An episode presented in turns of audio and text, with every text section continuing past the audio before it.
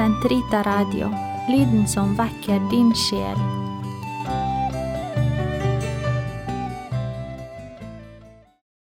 Hei, og velkommen til Katolsk i hodet, episode 15 Hvorfor ble Gud menneske? Del 1 Mitt navn er Øyvind Evenstad, og dette er programmet der vi ser på ulike tema fra et katolsk perspektiv som bygger på tro og fornuft. På torsdag i forrige uke, altså den 25. mars, var det festen for Herrens bebudelse, eller Maria budskapsdag. Da markerte kirka at engelen Gabriel kom til jomfru Maria i Nasaret og fortalte at hun kom til å føde Guds sønn. Man regner med at Jesus ble unnfanga i Marias liv på denne dagen, og derfor kan den også kalles festen for inkarnasjon. Ni måneder senere ble Jesus født, og vi vet at 25. mars pluss ni måneder er 25. desember, altså juledag, Jesu fødsel. Derfor vil jeg i denne episoden si litt om hvorfor Gud ble menneske, hvorfor inkarnasjon i det hele tatt skjedde. Hvorfor kom Jesus til oss? Og hvis man mener at Jesus kom for å frelse oss, gjennom å dø på korset og gjenoppstå, så henger svaret på dette spørsmålet nøye sammen med det som skjer nå i Den stille uke.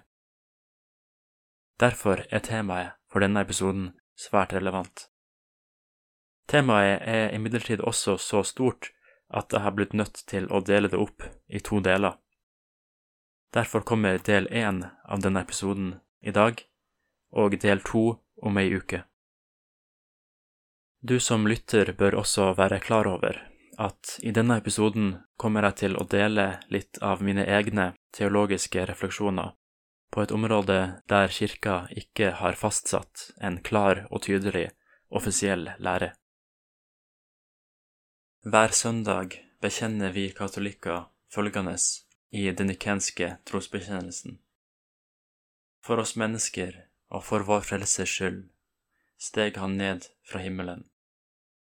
Men det nøyaktige forholdet mellom Kristus og frelsen blir ikke videre definert i trosbekjennelsen. Det er dette forholdet jeg skal undersøke her. Fra Paulus andre brev til korinterne vet vi at det var Gud som i Kristus forsonte verden med seg selv andre Korinterbrev 5,19 For i tidens fylde sendte den himmelske Far sin Sønn til oss, for at hver den som tror på ham, ikke skal gå fortapt, men ha evig liv. Johannes 3, 16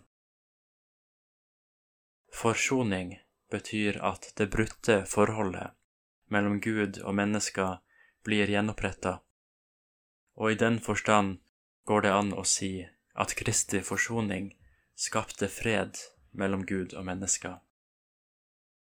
Paulus skriver i brevet til kolosserne at det var Guds vilje å la hele sin fylde ta bolig i ham, og ved ham forsone alle ting med seg selv, alt i himmelen og på jorden, da han skapte fred ved hans blod på korset. Kolosserne 1, 19-20. Det var altså ved hans blod på korset, gjennom Kristi korsfestelse og død, at Gud forsonte verden med seg sjøl. Dette er en grunnleggende læresetning som alle kristne kan slutte seg til. Gjennom historiens løp har det imidlertid blitt utvikla flere ulike teorier om nøyaktig hvordan dette gikk til. I det følgende vil jeg se nærmere på to slike teorier som har vært fremtredende i den katolske tradisjonen. Før jeg retter et kritisk blikk mot en forsoningsteori som har vært særlig utbredt blant protestanter. Underveis til palmesøndag i Jerusalem talte Jesus om sin kommende død og forklarte sitt formål på jorda som følger. slik er heller ikke menneskesønnen kommet for å la seg tjene, men for selv å tjene og gi sitt liv som løsepenge for de mange. Matteus 20, 28 Paulus gjentar dette budskapet i brevet til sin nære medarbeider Timoteus. Det er én Gud og en mellommann mellom Gud og mennesker, mennesket Kristus Jesus, som ga seg selv som løsepenge for alle. 1. Timoteus 2, 5-6 Denne forestillinga om at menneskeheten på et vis ble kjøpt fri av Kristus, forekommer også andre steder. Dere er kjøpt, og prisen betalt. Første Korinterbrev 6,20 Flere av de tidlige kirkefedrene bet seg merke i akkurat denne forestillinga om at Kristus var en slags løsepenge for syndere. Blant disse kan man særlig nevne Origenes av Alexandria samt de hellige Gregor av Nyssa og Augustin av Hippo. Med utgangspunkt i denne forestillinga utvikla de en teori som senere har blitt kalt den klassiske forsoningsteorien. I sin kommentar til Matteusevangeliet skriver Origenes følgende om Jesu verk. Til hvem ga han sin sjel som løsepenge for mange? Sannelig ikke til Gud. Kan det da være til den onde, det vil si djevelen? For han hadde oss i sin makt, helt til løsepengen for oss, selve Jesu liv, ble gitt ham. Siden han, djevelen, hadde blitt lurt og ledet til å tro at han var i stand til å mestre denne sjelen, og han så ikke at det å holde ham, Kristus, fast, krevde en kraftanstrengelse som var større enn ham selv. Heller ikke døden selv om den trodde at den hadde seiret over ham, hersker lenger over ham, fordi han, Kristus, ved å bli fri blant de døde og sterkere enn dødens makt, og så mye sterkere enn døden, at alle som vil, blant de som døden har seiret over, også kan følge ham ut av dødens herredømme, uten at døden lenger råder over dem. For hver den som er med Jesus, er uangripelig av døden. Djevelens makt over mennesket sies å ha blitt brutt da han i sin uvitenhet forgrep seg på Jesus, som han ikke hadde noe herredømme over. Den hellige Gregor av Nyssa sammenligna djevelen med en sulten fisk som ble fanga på kroken kroken av Kristi guddommelighet, da han ble forleda til å svelge den hel av agnet, som var Kristi menneskelighet. La oss se litt nærmere på denne teorien. For det første er det viktig å forstå at Adams synd har gitt djevelen en viss grad av herredømme over mennesket. Dere vet at når dere går i tjeneste hos noen og adlyder ham, da blir dere hans slaver. Romerne 6,16 I Det nye testamentet blir djevelen kalt herskeren i luftens rike. Efeserne 2,2 Denne verdens fyrste. Johannes 12, 31 Ja, til og med denne verdens gud i andre Korinterbrev 4.4. Dette betyr selvfølgelig ikke at Gud på noen måte har mista sitt allmektige herredømme over jorda som han har skapt. Men Gud tillater synden og døden å utøve den makten de har over mennesker som ikke lever under Guds nåde. For de som ikke tror, sitter fast i snaren som djevelen har fanget dem i, 2. Timoteus 2, 26. Og hele verden ligger i det onde, 1. Johannes 5.19. Mennesket har av egen fri vilje stilt seg under djevelens herredømme ved å begå synd mot Gud. Vi finner flere steder i Det nye testamentet en forståelse av at Kristi død på korset har frigjort mennesket fra djevelens makt. Vi vet at vårt gamle menneske ble korsfestet med ham, for at det legeme som er under synden, skulle gjøres til intet, og vi ikke lenger skulle være slaver under synden. Romerne 6,6 Før var dere slaver under synden, men nå er dere av hjertet blitt lydige mot den lære som ble overgitt til dere. Dere ble frigjort fra synden og er blitt slaver for det som er rett og godt. Romerne 6, 17-18 Til frihet har Kristus frigjort oss. Stå derfor fast, og la dere ikke tvinge inn under trelldommens åk. Galaterne 5.1 Nåde være med dere, og fred fra Ham som er, og som var, og som kommer, og fra Jesus Kristus, Han som elsker oss, og har fridd oss fra våre synder med sitt blod. Johannes' åpenbaring 1, 4-6 den klassiske forsoningsteorien går altså ut på at menneskets synder har brakt med seg trelldom og død, for syndens lønn er døden, Romerne 6, 23. Men at Kristus gjennom sin død har gitt seg sjøl som løsepenge for vår frigjøring, for deretter å seire over døden gjennom sin oppstandelse. Synden skal ikke herske over dere, Romerne 6, 14. For Åndens lov, som gir liv, har i Kristus Jesus gjort meg fri fra syndens og dødens lov. Romerne 8, 2. Og får Sønnen frigjort dere, da blir dere virkelig fri. Johannes 8, 36. Det er altså helt tydelig fra det vi har sett, at denne teorien, som ofte blir kalt Kristus Victor, den seierrike Kristus, har god støtte i Bibelen. Man kan også finne støtte i Den katolske kirkes katekisme, der vi kan lese i avsnitt 601.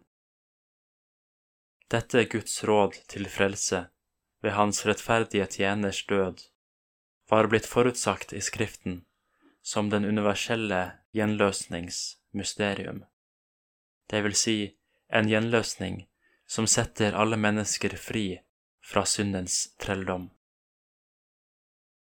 Men det er minst like mye som tyder på at dette i seg sjøl ikke er en fullstendig forklaring av Kristi forsonelse.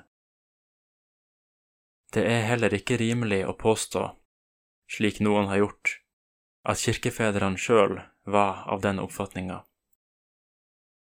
Allerede på 300-tallet skrev den hellige Kyrillos av Jerusalem i sine kateketiske forelesninger at Kristus, som ga seg selv som løsepenge, ved denne handlinga la bort den vreden som ligger over menneskeheten. Paulus lærer at denne vreden åpenbarer seg fra himmelen over all ugudelighet og urett hos mennesker som holder sannheten nede i urett. Romerne 1, 18. I Det gamle testamentet var forskjellige typer offer en viktig del av det religiøse livet blant Guds utvalgte folk. Israelittene ofra dyr og grøde til Gud for å ta vekk skylden som menneskene hadde pådratt seg for sine ugjerninger. Disse ble gjerne utført av tempelprestene på vegne av folket, og var en av deres aller viktigste oppgaver. La oss se på to eksempler på dette fra Tredje Mosebok. Er det en mann av folket som synder av vannvare mot et av Herrens bud og gjør noe som ikke er tillatt, og fører skyld over seg, da skal han, når han skjønner at han har syndet, bringe et offer for synden. Det skal være en geit, et lyteløst hunndyr. Han skal legge hånden på syndofferdyrets hode og slakte det på samme sted som brennofferdyret slaktes. Presten skal ta noe av blodet på fingeren og stryke det på hornene av brennofferalteret. Resten av blodet skal han helle ut ved foten av alteret. Alt fettet skal han ta ut, like som fettet tas ut av måltidsofferet. Presten skal brenne det på alteret, til en duft som behager Herren. Således skal presten gjøre soning for ham, så han får tilgivelse. Tredje Mosebok 4, 27-31 Da sa Moses, Dette er det Herren har befalt dere å gjøre. Så skal Herrens herlighet åpenbare seg for dere. Og til Aron sa han, Du skal gå fram til alteret og ofre ditt syndoffer og brennoffer, og gjøre soning for deg selv og for folket. Bær så fram folkets offer og gjør soning for dem, slik som Herren har befalt. Tredje Mosebok 9, 6-7 I Det nye testamentet blir Kristus gang på gang omtalt som et sonoffer av denne typen. Gud har stilt ham synlig fram for at han ved sitt eget blod skulle være et sonoffer for dem som tror. Romerne 3, 25 og han er en soning for våre synder, ja, ikke bare for våre, men for hele verdens. 1. Johannes 2, 2. I Det gamle testamentet leser vi om Gud som lover Israels barn at påskelammets blod skal være det merket som viser hvilke hus dere er i. Når jeg ser blodet, vil jeg gå forbi. Ikke noe ødeleggende slag skal ramme dere når jeg slår Egypt. Andre Mosebok 12, 13 Johannes døperen sier om Jesus at han er Guds lam som tar bort verdens synder, Johannes 1, 29. Og i det første brevet til korinterne, kapittel 5, vers 7, står det at vårt påskelam er slaktet, Kristus. Gud kan ikke la urett gå ustraffa hen, for Gud er en rettferdig dommer, en Gud som følger dom hver dag. Salme 7, 12 Men et ærlig og oppriktig offer vil blidgjøre Gud og gjenopprette det som synden har ødelagt. Den første gangen vi ser et eksempel på dette i Bibelen, er i fortellinga om Noah Noah bygde et alter for Herren og tok noen rene dyr og noen rene fugler og ofret brennoffer på alteret. Da Herren kjente den behagelige duften, tenkte han med seg selv. Jeg vil aldri mer forbanne jorden for menneskenes skyld. Aldri mer vil jeg drepe alt som lever, slik som jeg nå har gjort det.